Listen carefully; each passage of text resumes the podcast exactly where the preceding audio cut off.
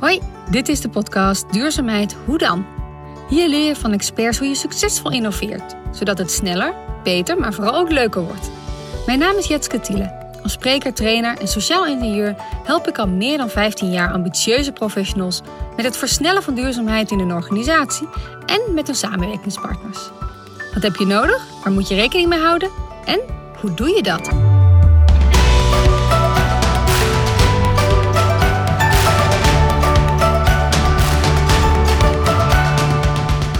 Iemand zei laatst: uh, we zijn eigenlijk helemaal niet materialistisch, want we doen zo uh, onzorgvuldig met, met materialen. We gooien zoveel weg.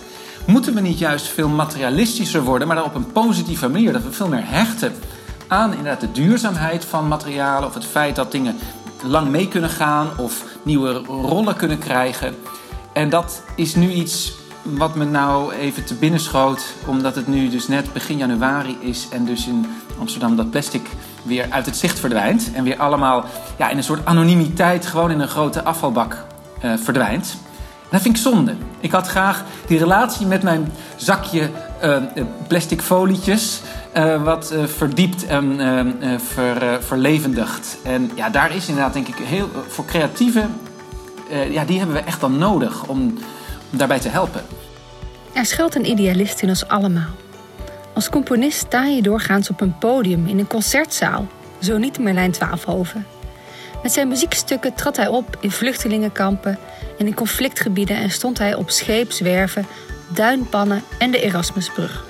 Maar nog belangrijker zocht hij verbinding met en tussen de luisteraars. Hoe kunnen zij ook een onderdeel worden van de voorstelling? Daarbij gaat hij verder dan puur muziek. Hij wil zijn verbeeldingskracht en kunstenaarschap gebruiken om de wereldproblemen te lijf te gaan. Hij spoort ons allemaal aan om de idealist in onszelf aan te boren en onze dromen te delen. Hij doet dat door maatschappelijke problemen aan te kijken met een kunstenaars mindset. Dat doet hij uiteraard met zijn muziek, zoals het indringende Four Drifting Seasons. Een compositie waar hij kille klimaatcijfers omtoverde tot muziek voor de VN. In dit gesprek ontdek je waarom we in veel bedrijven en organisaties spontaan op slot schieten. Waarom het zo belangrijk is om te kunnen twijfelen, zoeken en experimenteren. Hoe een kunstenaarsmindset kan helpen bij dringende en maatschappelijke vraagstukken. En waarom de kunstwereld en de wereld van de idealisten en veranderaars elkaar moeten omarmen. Volop inspiratie dus. En wist je dat Marlijns boek Het is aan ons afgelopen najaar gepubliceerd werd? Ik heb het uiteraard met veel plezier en verwondering gelezen. Heerlijk reisverslag en het staat bomvol praktische handvaten om de idealist en de kunstenaar in jezelf te ontdekken en verder te ontwikkelen. Voor nu, luister mee naar zijn verhaal.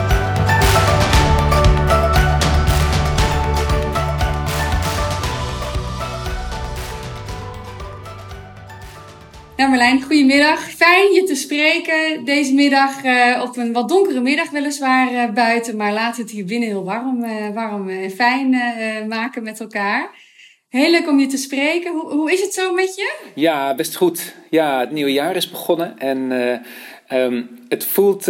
ja, ik heb heel veel zin. Ik hoop dat we nog zekere ontregeling mogen vasthouden. Maar vanuit die ontregeling lekker toch ook echt kunnen gaan bouwen aan uh, ja, aan, aan, aan, nieuwe dingen.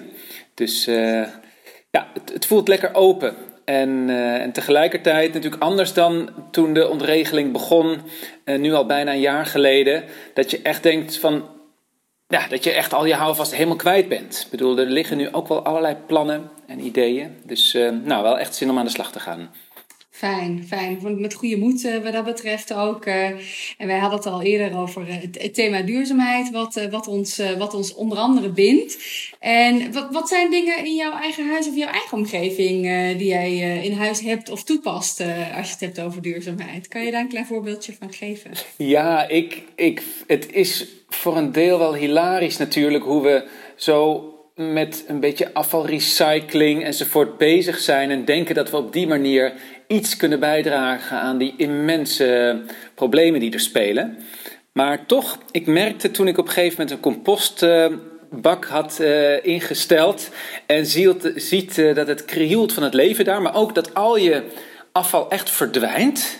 Ik blijf die bak maar vullen en hij wordt gewoon vanzelf kleiner. En waar gaat het dan heen? Nou, dat, daar geniet ik wel van. Dat is dan iets heel kleins, maar het is ook heel lekker dat het afval eh, niet meer stinkt. Want al je, nou ja, je, je fruit enzovoort, dat gaat eh, naar de compost. In Amsterdam is per 1 januari nu de plastic bak afgeschaft. En dat was altijd een heel raar gevoel voor mij. Daar ging ik met een tasje plastic afval op de fiets naar die plastic bak. En onderweg kwam je dan vaak stapels plastic en karton, weet je al die winkels en toestanden, dat ligt dan gewoon in bergen op straat, ongesorteerd. Ja, en dan voel je je ook wel ja, helemaal gestoord. Ehm, of een beetje naïef en je denkt, oh, waar ben ik mee bezig? Ehm, en toch, het feit dat nu die plastic bak verdwijnt, het, had, eh, het gaf ook een soort idee dat je in ieder geval iets kon doen. En een idee dat van, oh, uit al dit materiaal ontstaat iets nieuws. En dus ik denk ook wel, het is ook wel weer zonde dat we. Want hij verdwijnt omdat de technologie zo goed is nu dat het, dat plastic redelijk goed gescheiden blijkbaar kan worden ergens. Maar ja, dat is onzichtbaar. Dus um, wat wij doen met onze impact, dus ons afval, um, is weer een stukje onzichtbaarder geworden. En dat vind ik eigenlijk ook wel jammer. Want ik mis eigenlijk namelijk juist die relatie die je hebt met die grondstoffen en die spullen en alles wat er binnenkomt vanuit de supermarkt, wat er uitgaat naar de afval. Ja, ik zou heel graag willen dat we daar meer mee kunnen. heb je daar net het gevoel bij of dat, dat je dat eigenlijk zichtbaar wil maken of wil nou. hebben om, om daar verbonden mee te kunnen voelen? Ik dacht toen, kunnen we niet gewoon zorgen dat in elke wijk van de stad en elk dorp er een mooie 3D-printer staat waar je dus je plastic kan laten omsmelten en waarbij je dus dingen kan gaan bouwen ervoor, zodat je ook je plastic zelf verzamelt. Niet omdat dat je corvée is als burger, maar gewoon omdat het waardevol materiaal is en omdat je het misschien wel nodig hebt. Dus die plastic bak is prima dat die verdwijnt, maar laten we kijken waar kunnen we zelf met ons, de materialen die we hebben en die we gebruiken, uh, ja, waar kunnen we dat zelf meer in gaan zetten? En waar zijn die 3D-printers? Ik hoor al 10 of 20 jaar dat die 3D-printers eraan komen. Dat het allemaal fantastisch is. Maar ik heb het nog nooit van dichtbij gezien. Um, en om daarheen, en dan stel ik me voor dat je op zaterdagochtend met je kinderen uh, je, je wat, wat, plastic gaat laten omsmelten. En dat je daar dan ja, iets van gaat bouwen. Iets wat, je, wat handig is of nodig of leuk of mooi. Nee, is, is dat jouw kunstenaarschap? Of, uh, of wat, wat spreekt daar dan... Uh uh, het hardste in om dit te, te willen, graag willen zien of willen nou ja, het het is een manier om je eigenlijk de connectie uh, te versterken tussen al die dingen die ja, zo door, de, door de maatschappij stromen, al die materialen. Um, iemand zei laatst. We zijn eigenlijk helemaal niet materialistisch, want we doen zo onzorgvuldig met, met materialen. We gooien zoveel weg. Moeten we niet juist veel materialistischer worden, maar dan op een positieve manier? Dat we veel meer hechten aan inderdaad de duurzaamheid van materialen of het feit dat dingen lang mee kunnen gaan of nieuwe rollen kunnen krijgen. En dat is nu iets wat me nou even te binnen schoot, omdat het nu dus net begin januari is en dus in Amsterdam dat plastic weer uit het zicht verdwijnt en weer allemaal ja, in een soort anonimiteit gewoon in een grote afvalbak uh, verdwijnt. Dat vind ik zonde. Ik had graag die relatie met mijn zakje uh, plastic folietjes uh, wat verdiept en ver, verlevendigd. En ja, daar is inderdaad denk ik heel voor creatieve, ja, die hebben we echt dan nodig om, om daarbij te helpen. Mooi. Mooi. Ja, jou, de titel van jouw nieuwe boek is niet voor niets Het is aan ons. In dit geval. Waar, waar, waar, komt die, waar komt die frustratie vandaan? Of waar maak je je zorgen over waardoor je je hier zo hard voor wil maken? Nou, eigenlijk um, ontdekte ik al snel uh, toen ik uh, op het conservatorium zat. Ik wilde componist worden. Ik, ik wilde heel goed muziek willen maken. Ik wilde mensen raken. Dat ik eigenlijk merkte van hoe wij in onze samenleving de kunsten los hebben gezet van de rest van de wereld, is misschien wel een heel groot misverstand. Het is natuurlijk fantastisch dat je mensen op het podium zet die daar heel hard voor gestudeerd hebben. Maar um, ja, die kunstenaarsvaardigheden, datgene wat die kunstenaar kan, dat is eigenlijk wat elk mens kan. Wat deel is van ons wezen, wie wij zijn. En wij zijn namelijk scheppende dieren. Wij zijn dromende dieren. We hebben verbeeldingskracht. Wij kunnen het over de toekomst hebben. We kunnen ons een beeld vormen van iets wat er nog niet is. Dat is iets, ja, in je dagelijkse omgang doe je dat heel vanzelfsprekend. Maar super uniek aan wat het is om mens te zijn.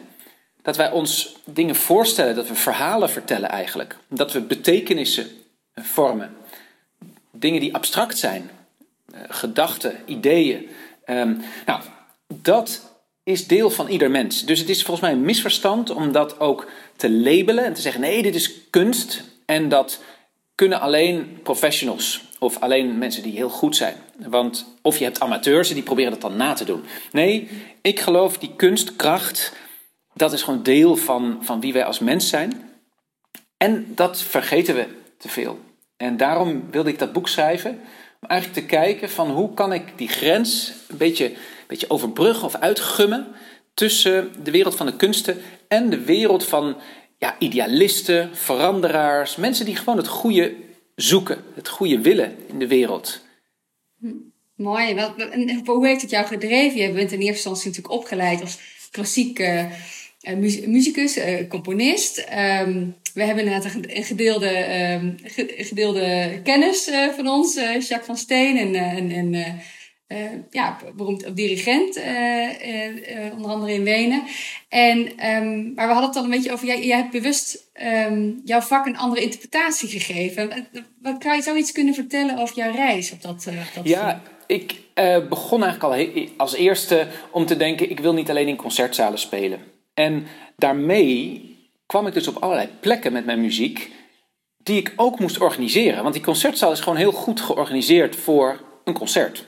Terwijl ik ging naar een scheepswerf of zelfs in een ruim van een onderzeeër heb ik op een gegeven moment een heel groot project gemaakt. Maar ja, dat moet je dan wel organiseren, moet je wel regelen. Dat zijn locaties, ja, die zijn niet zomaar veilig voor publiek. Uh, daar heb je niet zomaar vergunningen voor. Um, ik moest geld gaan vinden, ik moest uh, mensen in gaan huren, uh, dingen. Kortom, ik, ik merkte gewoon dat het net zo belangrijk is eigenlijk om een context te scheppen, of dus een plek te maken, als dat het is om die plek te vullen met iets moois of iets van betekenis. Nou, en zo zie ik ook eigenlijk die, die twee kanten van het kunstenaarschap. Kunnen wij plekken creëren waarin ruimte is voor verbeeldingskracht, ruimte is voor iets nieuws, maar ook ruimte voor twijfel of ruimte voor zoeken, als het ware. Ehm, en soms kunnen we die plekken natuurlijk ook vullen. Vullen met mooie muziek die ons inspireert of verhalen die betekenissen samenbrengen. Dus dit is denk ik een wisselwerking van een soort, soort maken van plekken, maar ook het, het, het, het vullen, het bieden van, nou ja, uh, van inhoud. Ja. ja, en ik zit even de, de brug wil ik graag maken, ook natuurlijk nu naar veel binnen, waar binnen organisaties men ook veel bezig is met duurzaamheid. Hoe krijgen we dat nou verder? En dat gebeurt nog wel eens ook heel snel, vaak heel effectief. Hè? Dus dan gaan we concrete plannen maken, Excel-sheets met vinklijstjes. En um, hoe creëer je nou inderdaad die ruimte, ook om op sommige dingen het even niet te weten? Of ja. uh, met elkaar te onderzoeken wat er, wat er mogelijk is. Zie je daar parallellen in uh, qua ja, vakgebied? Ja, heel veel. Kijk, ik merk al als ik op reis ben en ik weet niet goed hoe een samenleving precies functioneert, bijvoorbeeld het openbaar vervoer. Um, dan sta ik veel vaker wat te wachten, rond te kijken, maar dat is ook wel weer heel waardevol. Want dan ben je bijvoorbeeld ergens aan het kijken van, oh, hoe, hoe moet ik hier mijn weg vinden? Maar dat is wel een houding waarin je heel open bent, waarin je heel veel ziet, heel veel uh, ja, tot je neemt.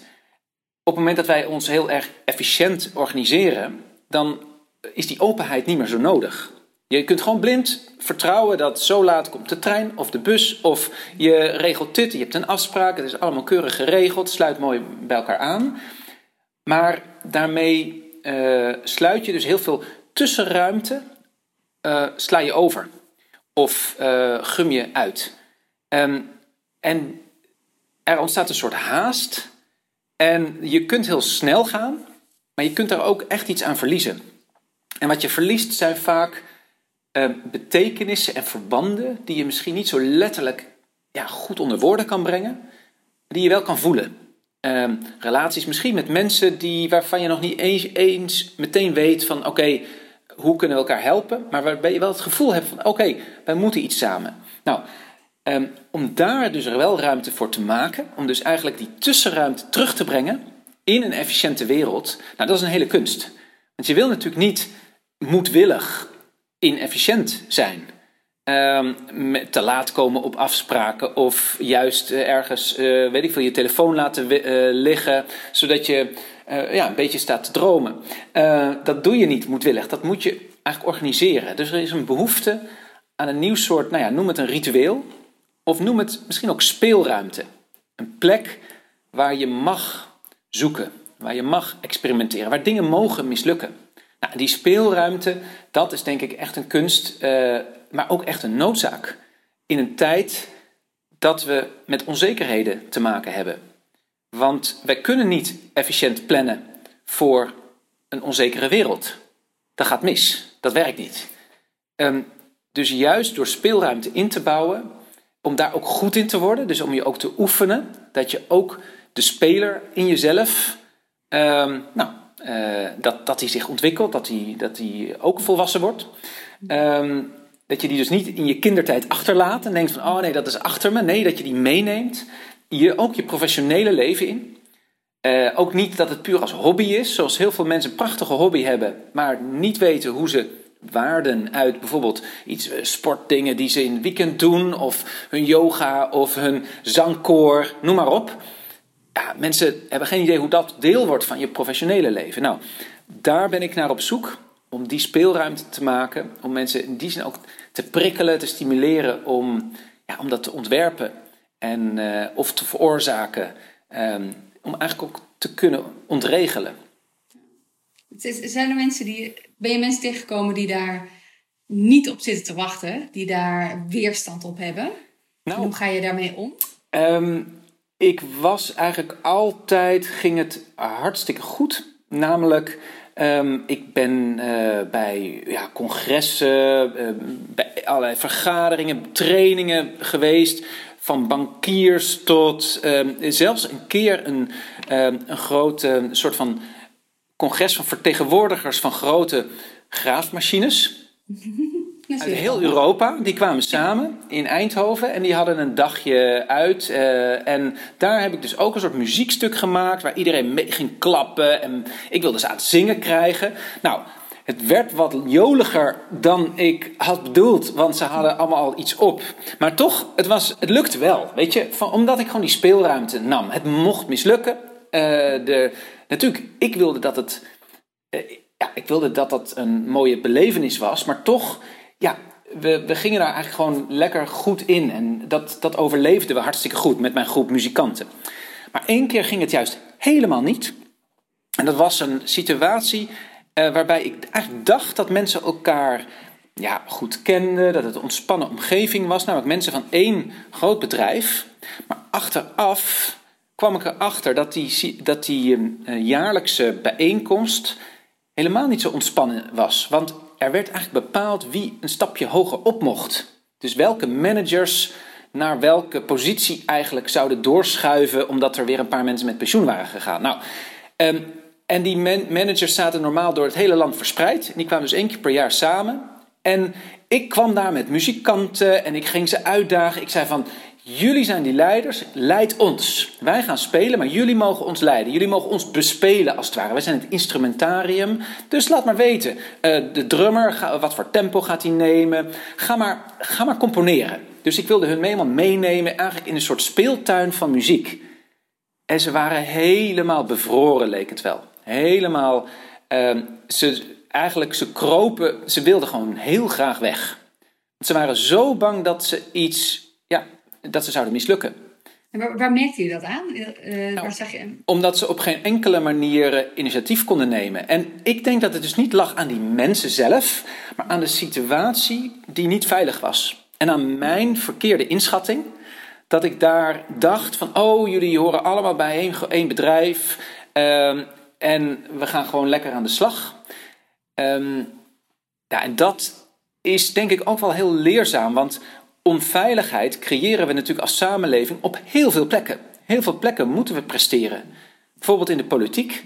Dat is een continu soort performen van mensen die op een podium staan en daar moeten scoren. Het is een soort topsport. Van kun je je eigen belangen verdedigen? Kun je, kun je punten scoren? Kun je je reputatie, je populariteit, kun je het nieuws halen?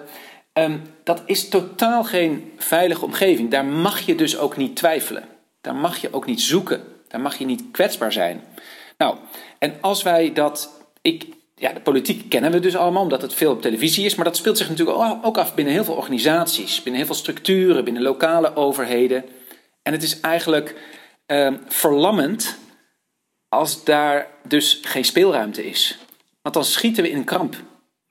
En die kramp is denk ik waarom we als samenleving zo langzaam aan het veranderen zijn. Terwijl die urgentie zo hoog is. Terwijl we echt het leven van onze kleinkinderen op het spel zetten.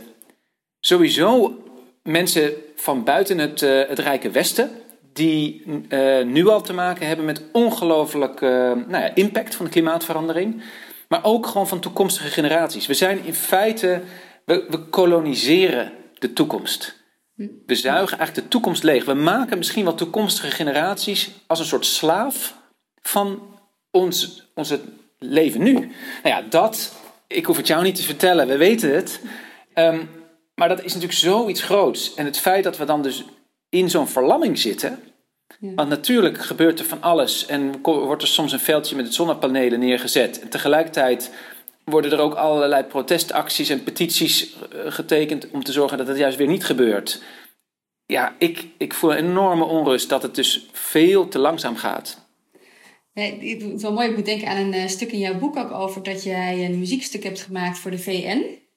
Als je het hebt over klimaatverandering, zou je daar misschien iets over kunnen vertellen? Ja, hoe je dat hebt ja. gedaan om, om de streepjes concreet te maken? Ja, wat, op een gegeven moment vroeg ik me af, wat kun je nou als kunstenaar betekenen voor dat grote verhaal van klimaatverandering? En toen las ik er veel over, ook de psychologie erachter. En dat, de psychologie gaat natuurlijk over het feit dat klimaatverandering iets abstracts is. En dat wij heel erg veel hebben over deeltjes CO2 in de lucht, terwijl je die niet eens ziet. Je voelt ze niet, je proeft ze niet. Um, en tegelijkertijd is het een ding. Nou, um, toen dacht ik van oké, uh, kunst werkt met de zintuigen. Uh, hoe kan ik nou die klimaatopwarming zintuigelijk maken? En dan niet alleen die rampen, want die rampen die kennen we, de, de, de orkanen, de overstromingen. Maar dat is ook, en dan is het ook weer fascinerend als je die boeken over de psychologie le uh, leest. Dat werkt vaak niet om mensen alleen maar bang te maken. Want daar worden mensen dus ook weer verlamd. Op een andere manier door verlamd. Nee, ik heb toen gedacht, kunnen we die temperatuurstijging, de metingen die al 130 jaar uh, plaatsvinden, kunnen we die data omzetten eigenlijk in geluid. Dus kunnen we puur zeggen, elke zomer, de temperatuur van elk jaar, dat wordt een noot, die wordt gezongen door uh, een groep mensen in een koor. En elk najaar, elke winter, kortom, elk seizoen is een stem. En kunnen we die stemmen dus noten laten zingen die zo door de tijd, uh, eigenlijk van 1885, toen de metingen begonnen, uh, tot het heden. En dan hoor je dus dat al die tonen, want het is dus ja, er ontstaat een soort muziek. Tegelijkertijd, ja, ik heb niet een melodie gecomponeerd. Je hoort gewoon tonen die, die eigenlijk heel lang een beetje zo een beetje laag blijven. En dan toch telkens klimmen en klimmen. En die laatste 15 jaar, die schieten echt door het dak. En het was ook zo dat dat, ik heb dat een, een beetje een, in eerste instantie een soort, soort test gemaakt. En er kwamen dus soms een seizoen kwam erbij. En dat was altijd een noot die ze eigenlijk niet konden zingen, want dat was te hoog.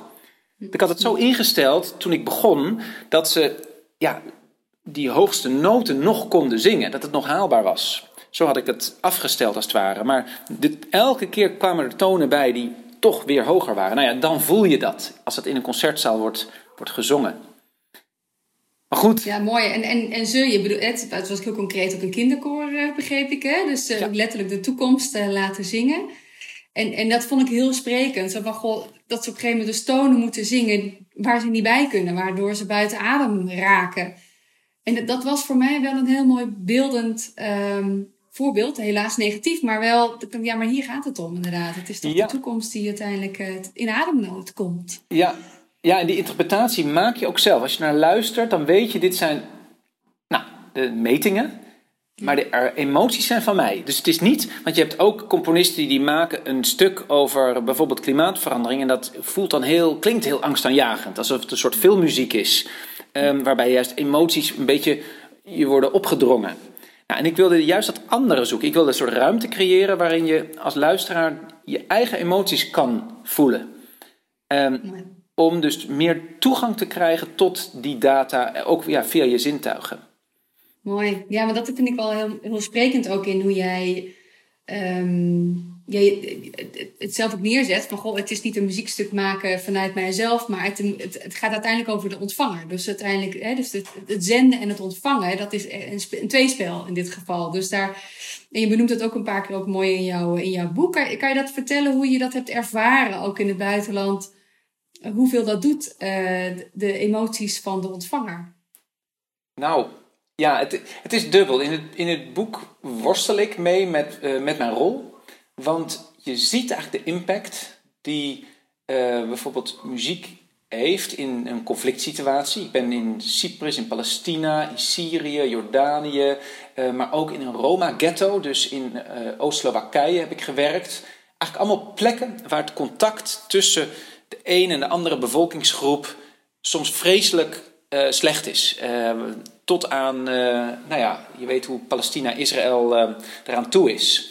Um, en in die projecten zoek ik manieren waarin mensen toenadering tot elkaar kunnen maken door middel van muziek.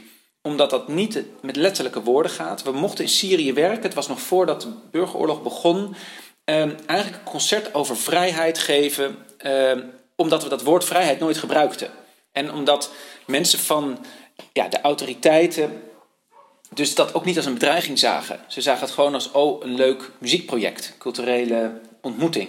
En kortom, muziek kan veel meer doen soms dan in woorden mogelijk is. En ik merkte dus eigenlijk de kracht van muziek. En tegelijkertijd merkte ik natuurlijk dat ik tekortschoot. Want het is op zoveel plekken nodig. Als je kijkt hoe groot zo'n vluchtelingencrisis is rondom Syrië uh, al die mensen die in Turkije, in Jordanië, in Libanon, onder de vreselijke omstandigheden in al die kampen zitten. Um, en als je de potentie ziet van wat muziek kan doen om bijvoorbeeld kinderen die daar nu zijn gestrand een stem te geven en dan eigenlijk heel letterlijk weer te laten horen van ik ben er. Want ik gebruik mijn stem, anderen horen mij. Weet je, super fundamenteel.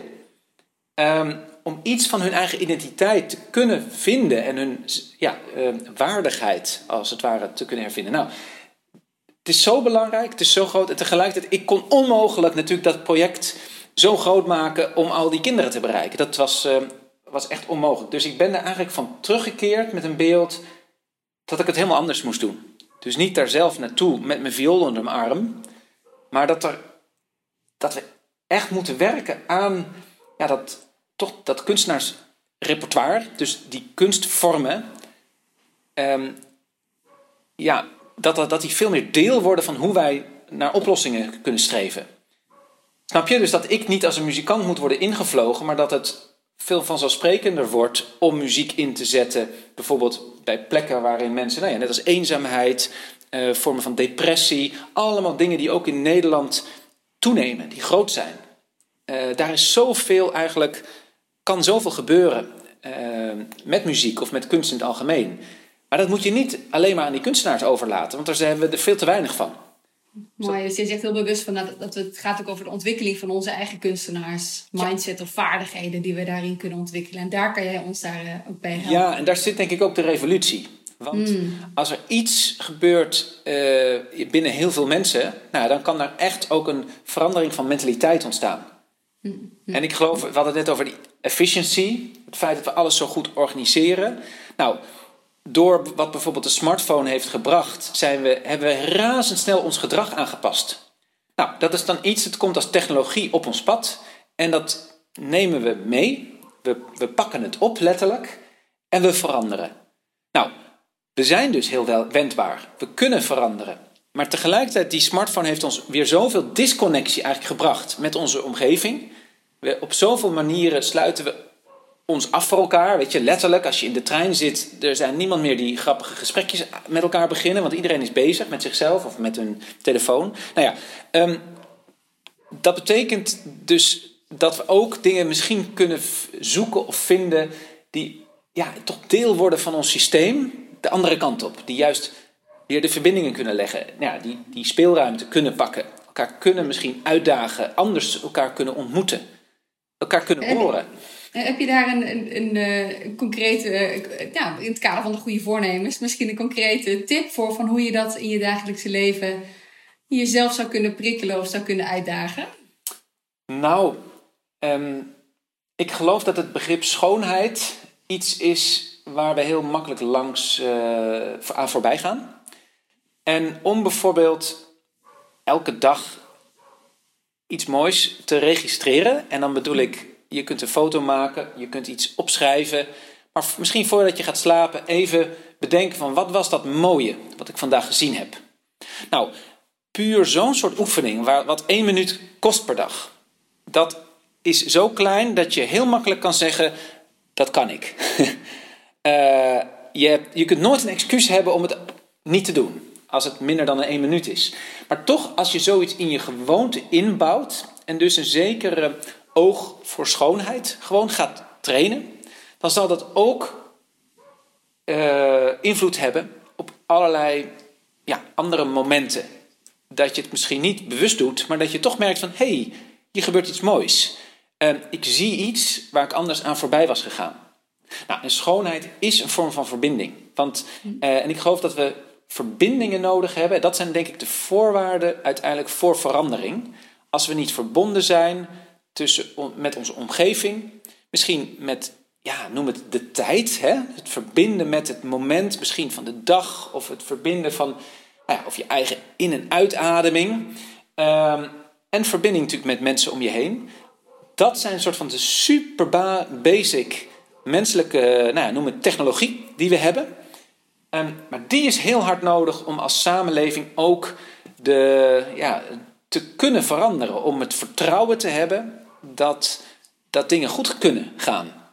Uh, en alleen als we dat vertrouwen hebben, als we dus die zekere veiligheid kunnen ja, eh, creëren in ons eigen bestaan en in, in de plekken waar we werken, dat is ook die veiligheid waar ook die speelruimte vervolgens weer mogelijk wordt. En daar kunnen we dus ook, ja, ik noem het onzekerheidsvaardig worden. Ja. En even ook, want je zegt ook precies die, die veiligheid die er uiteindelijk, hè, zoals het dan binnen een organisatie zou kunnen zijn, eh, die, hè, waar je hem nodig hebt, laat ik het dan zo zeggen, maar ook binnen de samenleving.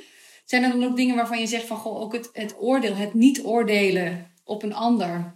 Of andersom, het wel oordelen op een ander is ook het oordelen op jezelf. Dat, dat, we, daar, dat we daarin wat, ik noem maar even, liever worden voor elkaar. Uh, in eerste instantie voor jezelf en dan vervolgens daarmee ook voor de ander. Zodat er meer ruimte komt ook om te kunnen verwonderen en, en, en, en ontdekken. Ja, ja, kijk, oordelen zijn natuurlijk heel erg afhankelijk van het kader. Um, Als ik weet dat ik met een atletiekwedstrijd meedoe, weet ik dat ik word beoordeeld op hoe snel ik bijvoorbeeld een rondje kan rennen. Ja. Um, in uh, heel veel organisaties weet je dus ook precies waar je elkaar op beoordeelt. Dus dan is het ook heel logisch dat je in die oordeelstand staat.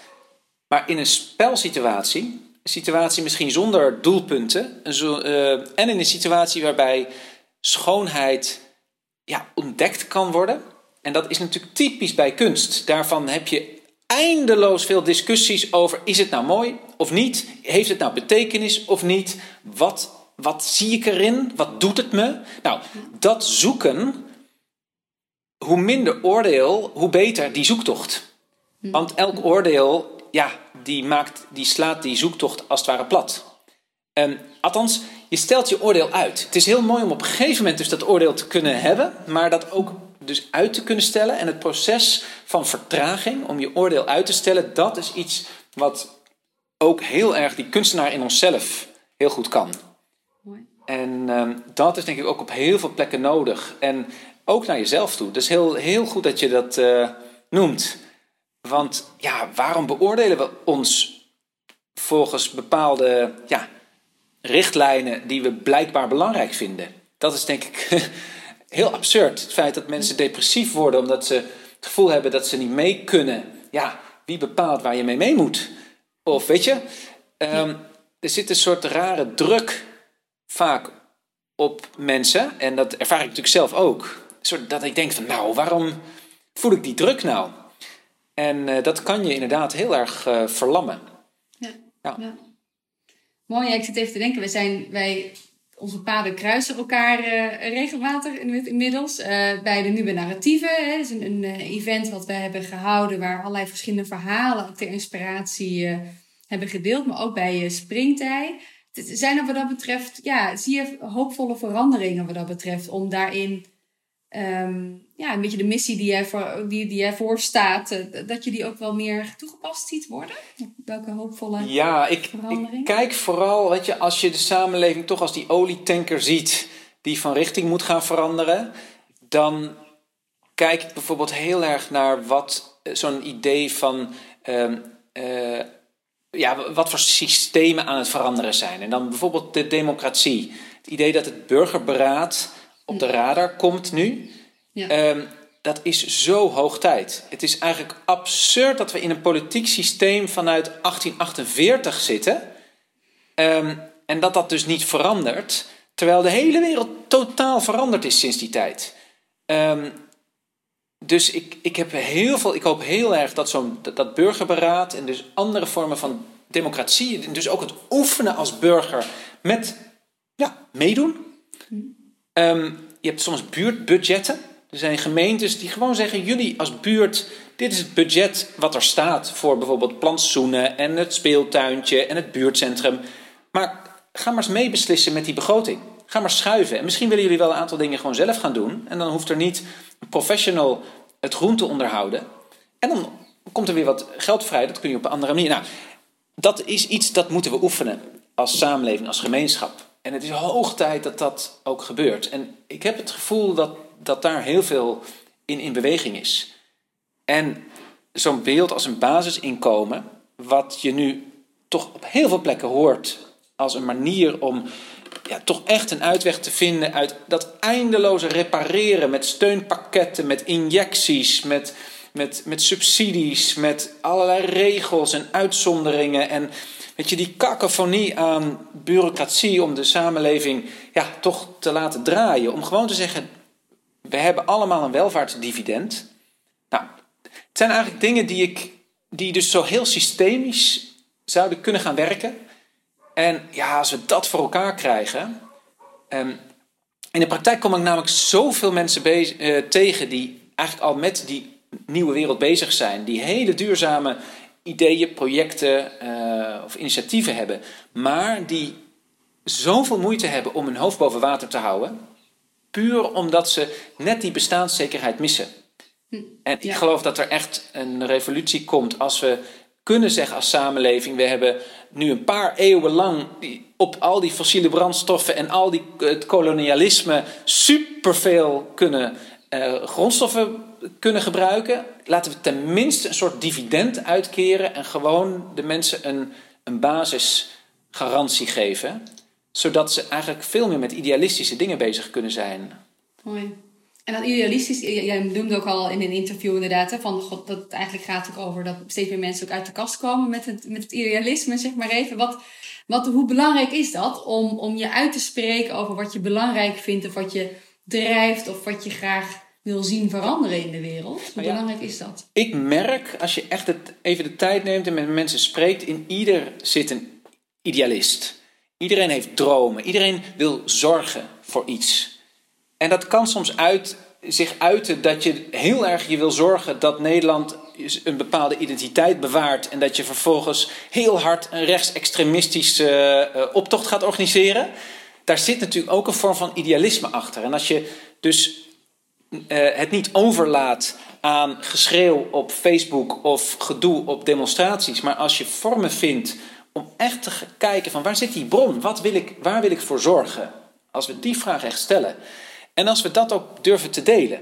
Uh, dus niet meteen, ik vind dat de regering moet aftreden, weet je, dat kun je, kun je roepen. Dus, maar dat is een soort vorm van een mening of een oplossing. Maar laten we eens kijken, nee, niet je oplossing, maar waar wil je voor zorgen? Nou, dat is iets dat houden we normaal heel erg bij ons. Ja. We zijn in die zin niet gewend om te dromen. En om de dromen, onze dromen uit te spreken. Maar stel als we dat meer gaan doen, als we ons daar gemakkelijker bij gaan voelen, als het dus normaler wordt om idealistisch te zijn, dan zal misschien blijken dat er heel veel idealisme is en dat we eigenlijk het al best wel eens zijn over wat een goede wereld is. Zeker als we het hebben over de generatie van, nou, misschien uh, onze achterkleinkinderen. Wat voor hun een goede wereld is, ik weet zeker dat daar een aantal blokkeervriezen het roerend mee eens zijn. Maar wat er moet gebeuren met die demonstratie over Zwarte Piet, ja, daar kunnen we dan misschien over kibbelen. Terwijl, laten we het eens hebben over wat is een goede wereld.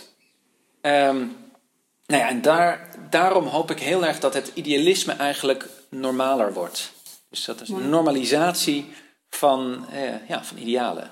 Ja, mooi. Dat ik daarmee ook het gesprek kan voeren en ook veel meer overeenkomsten wellicht hebt dan dat we misschien denken. Uh, op afstand uh, nou, in dit geval. Iedereen kan meebouwen. Kijk, iemand die misschien nu denkt: oh, we moeten de grenzen sluiten, want er komen asielzoekers op Nederland af. Nou, als je kijkt van waar wil je voor zorgen? Misschien kan diegene een fantastische rol spelen om iets anders te bouwen. Weet je? Uh, of ergens anders een grote muur te bouwen waar dat wel tot echt meer, nou, tot een mooie samenleving leidt. Um, ik denk dat, dat heel veel idealen een beetje aan hun lot worden overgelaten en dus een soort speelbal worden voor mensen die, ja, en met name in de politiek en de media, daar dan mee gaan voetballen. Hm. En dan laten we ons allerlei hoeken in, uh, in duwen. Ja. Uh, en dan worden die idealen ja, totaal, uh, ja, gaan, gaan soms hele extreme kanten op. Ja, dat maar als je dan hebt het net over dat, over dat samen geloven in die betere wereld. Hè? Dus als je veel meer vanuit het. We zijn allemaal idealisten op een bepaalde manier. Je maakt je ergens zorgen over, boos over wellicht. Um, uh, of hebt in ieder geval hoop, hoop waar het naartoe mag gaan. En um, je hebt ook in je boek vijf eh, lessen uh, geschreven over het, uh, het samen geloven. En ik, ben, ik vind het wel heel leuk om, daar, om dat eventueel mee te geven als je daar iets over wil vertellen. op, op welke manier je dat dus kan doen, eigenlijk, dat samen geloven. En dat kan dan natuurlijk op verschillende niveaus zijn in de hele samenleving. Of binnen je gezin, of binnen je eigen team, of binnen je organisatie. Um, zou jij daar iets over kunnen vertellen? Ja, ik, ik merkte tijdens het schrijven van het boek dat ik op een gegeven moment dacht ik, ja, wat, wat we eigenlijk nodig hebben is een vorm van inderdaad geloof. Uh, we zijn natuurlijk al die religies, die zijn uh, ja, tot een soort privé, weet je, in met zijn privéwereld mogen ze wel uh, iets geloven, maar er is niet een geloof wat wij als samenleving samen mogen geloven. En toen dacht ik, oké, wat kunnen we eigenlijk leren van uh, wat religies heel goed kunnen? En dat is bijvoorbeeld het markeren van tijd en ruimte. Er zijn door duizenden jaren heen altijd tempels gebouwd, of kerken, of plekken waar je kwam en waarvan je dacht: hier is het heilig, of hier gebeurt iets. Of vormen van ritueel, dat je iets doet als je opstaat, of voordat je gaat slapen. Nou, dat soort markeringen van tijd en ruimte. Nou, dat is natuurlijk ook een vraag richting de, de culturele wereld. Van kunnen de theaters in de stad misschien een rol gaan spelen om grotere verhalen te vertellen. Verhalen waar we allemaal aan meebouwen. Bijvoorbeeld rondom zo'n burgerberaad. Kunnen we dat niet ook in die theaters laten plaatsvinden? Uh, en dan niet alleen maar hebben, we gaan een probleem oplossen, maar we gaan ook verhalen vertellen en dromen. Dus we laten ook cultuur een rol spelen. Ja. Nou ja, dus dat zou iets, echt dat, dat markeren van die tijd en ruimte. Vervolgens natuurlijk ook, ja, je hebt heel veel religies die hebben gewoon bijvoorbeeld de Bijbel geschreven. En dan heb je houvast. Nou, wat kan ons houvast geven? En natuurlijk zijn er tal van mooie manifesten, of er is de Earth Charter en al dat soort fantastisch mooie dingen, die zijn er al. Alleen, uh, het is zo lastig om te zeggen, dit, dit, hier gaan we allemaal achter staan. Natuurlijk hebben we een grondwet. Uh, maar ja, dat betekent wel, die grondwet, stel als we daar dat ecocide bijvoorbeeld deel van uitmaken. Hm. Of op een andere manier kijken dat de toekomstige generaties een, dat, we, dat we ons verplichten om toekomstige generaties een stem te geven. Nou, dat zijn vormen van houvast, eigenlijk dingen die we samen kunnen beslissen als samenleving.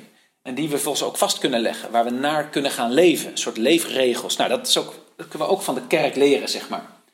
Ja, en dan het uiten. Het feit dat mensen die een geloof aanhangen soms ook daar uiterlijke. Die hebben een, misschien een kruisje om hun nek of een keppeltje op of zoiets. Dus kunnen we gewoon dus uit de kast komen met onze idealen en zeggen van ik ben deel van, ja, zoals Extinction Rebellion ook zo'n zo'n teken heeft. Kunnen we dat teken niet gewoon gaan dragen? Eh, veel meer laten zien van hier staan we achter.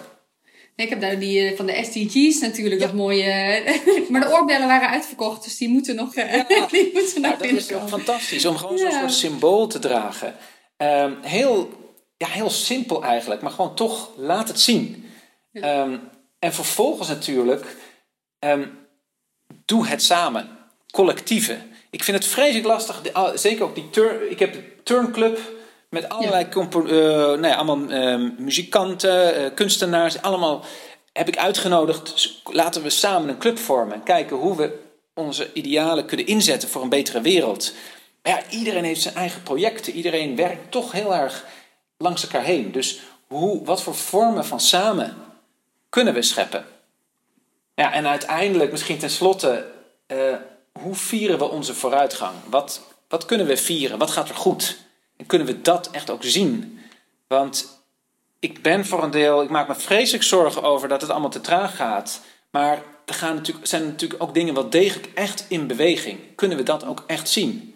Mooi. Ehm, ja, dus wat. Ja, en daar dus ook trots op zijn. Of heel bewust bij stilstaan. Om dat te laten zien dat dat gebeurt. Nou, ik geloof in ieder geval dit jaar dat de maatschappij, wij moet ik zeggen, maatschappij, eh, ook heel mooie dingen heeft laten zien eh, met het filmpje van goh, hè, van kijk eens, dit gebeurt er eigenlijk allemaal wel. En dan, eh, dan raak je inderdaad een stuk geruster, maar ook enthousiaster. Dan denk ik van nou, inderdaad, we zien het wel. Het heeft zin, het, het werkt. ja.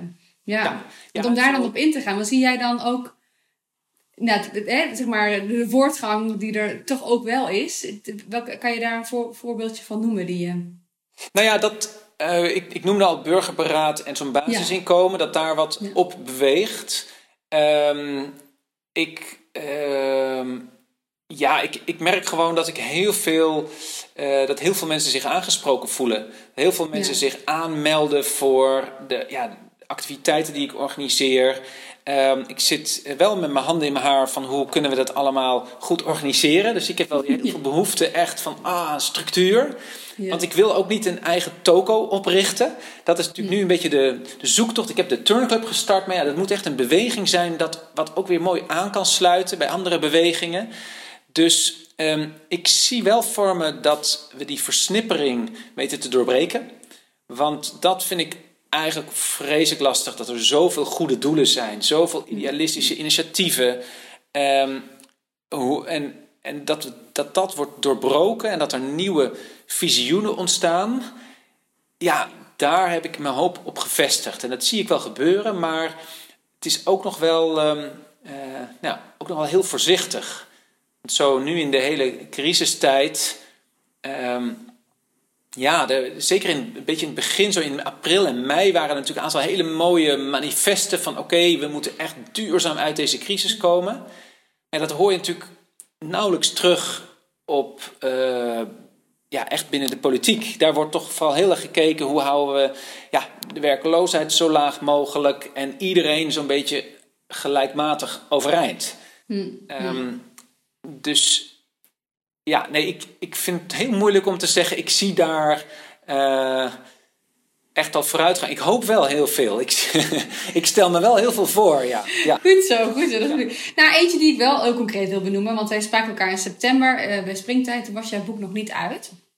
Of wel? Nee, later, eh, later is die uit, hè, uit, uitgekomen. En het viel me op dat in, in, in, in heel veel media... dat er ehm, heel veel aandacht werd gegeven aan, jou, aan jouw boek. Ehm, en daar haalde ik dus uit van... we hebben hier dus ook echt wel allemaal behoefte aan of zo. Dat is het, jij hebt woorden gegeven aan een ja, aan een behoefte die er speelt, aan, aan wat mensen misschien in hun hoofd hebben zitten, maar je hebt het kunnen weten creëren en het concreet te maken. Dus dat zichtbaar maken van je idealisme, dat dat heel veel mensen heeft aangesproken. Heb je dat ook een beetje teruggehoord in de reacties? eh, tenminste, kan je dat ontvangen? Dat is Ja. misschien dan de eerste vraag. Ik krijg heel veel mooie reacties nu. En, en ook echt juist van heel veel mensen van... eh, eh, juist specifiek niet uit de kunstwereld. Ik bedoel, Precies, juist ja, van alle hoeken en gaten. Eigenlijk heel veel mensen wat ik net noemde van... Hoe kunnen we zorgen voor elkaar of voor onze plek of voor de natuur of die zorg, dat is iets, daar lopen mensen mee. En die, die lopen daarmee rond. En dit boek geeft gewoon een aantal hele praktische manieren om die zorg ook om te zetten. In van oké, zo maak ik dat deel van mijn leven, maar zo laat ik het ook groeien. Zo komt het in een soort vruchtbare bodem, zodat mijn eigen idealisme meebouwt aan iets wat veel groter is. Zodat we ook echt die, die, uiteindelijk die, echt die massa kunnen vormen samen. Ja, Ja, Mooi. dus dat is fijn, ja. daar gaan we voor. Ja, en ik had, al, ik had eh, ook een vraag aan jou. Van, goh, als je het dan hebt over, over duurzaamheid, welk lied... En dat is natuurlijk heel gevaarlijk om dat aan een kunstenaar te vragen. Maar eh, wel, welk lied is wat jou betreft staat symbool voor, eh, voor dit thema? Eh, kan je daar iets over Ja. vertellen?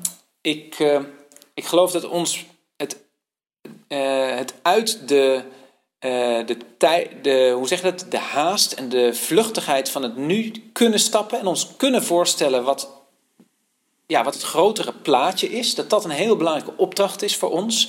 Dus eigenlijk je voor kunnen stellen eh, wat wij nu betekenen voor toekomstige generaties. Ehm, dat is iets wat volgens mij een heel belangrijke en ook heel concrete eh, vraag is die hier nu voor ons ligt. Ehm, en eh Nienke Laverman heeft een, een, nummer opgenomen dat heet Manchester, voorouder. En dat is eigenlijk, het is wel een beetje dystopisch, want zij richt zich eigenlijk tot haar eh, toekomstige achterkleinkinderen. En ze zegt eigenlijk, sorry, we hebben het verknald. Dus het voelt ook echt als een soort waarschuwing van oké, hoe zou dat zijn? Om op een gegeven moment, stel ik, ik word ter verantwoording geroepen van oké, wat deed jij in die tijd? Toen we misschien nog wel het, toen we het tij nog konden keren. Ehm, wat deed jij toen? Heb ik dan wel een verhaal? En eh, nou ja, dat, dat zit in dit, eh, dit, dit nummer. Dus het is ongemakkelijk, maar wel heel. Nou, het, het legt echt de vinger op, de, op een gevoelige plek. Mooi, het, spreekt jou zelf aan als individu en als nou, toe- eventueel toekomstig grootouder. Ja, het is heel gek om je dat voor te stellen, maar wel heel wezenlijk. En ik, ik merk, terwijl je het zei, kreeg ik ook al zo'n kippenvel van ja, dat is waar. Dan moet ik het wel gaan vertellen, dan moet ik het wel gaan uitleggen. Dank je wel daarvoor, eh Marlijn. Ja, nou, Wij houden contact. Ik eh, wil jou heel erg bedanken voor je inspiratie. En eh, voor het aanwakkeren van onze kunstenaars mindset eh, en vaardigheden. Ook de onzekerheidsvaardigheden die we met z'n allen eh, mogen omarmen in dit geval. En eh, ik hartstikke leuk om, eh, om dit van jou eh, te horen. ja, fijn met je te spreken. Heel goed. Dankjewel. Je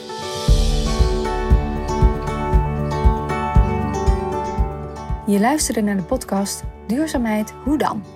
Wil je meer weten over de kunstenaars mindset en de tips van Marlijn? Kijk dan voor de show notes en inspiratie op www.jetsketielen.nl slash podcast.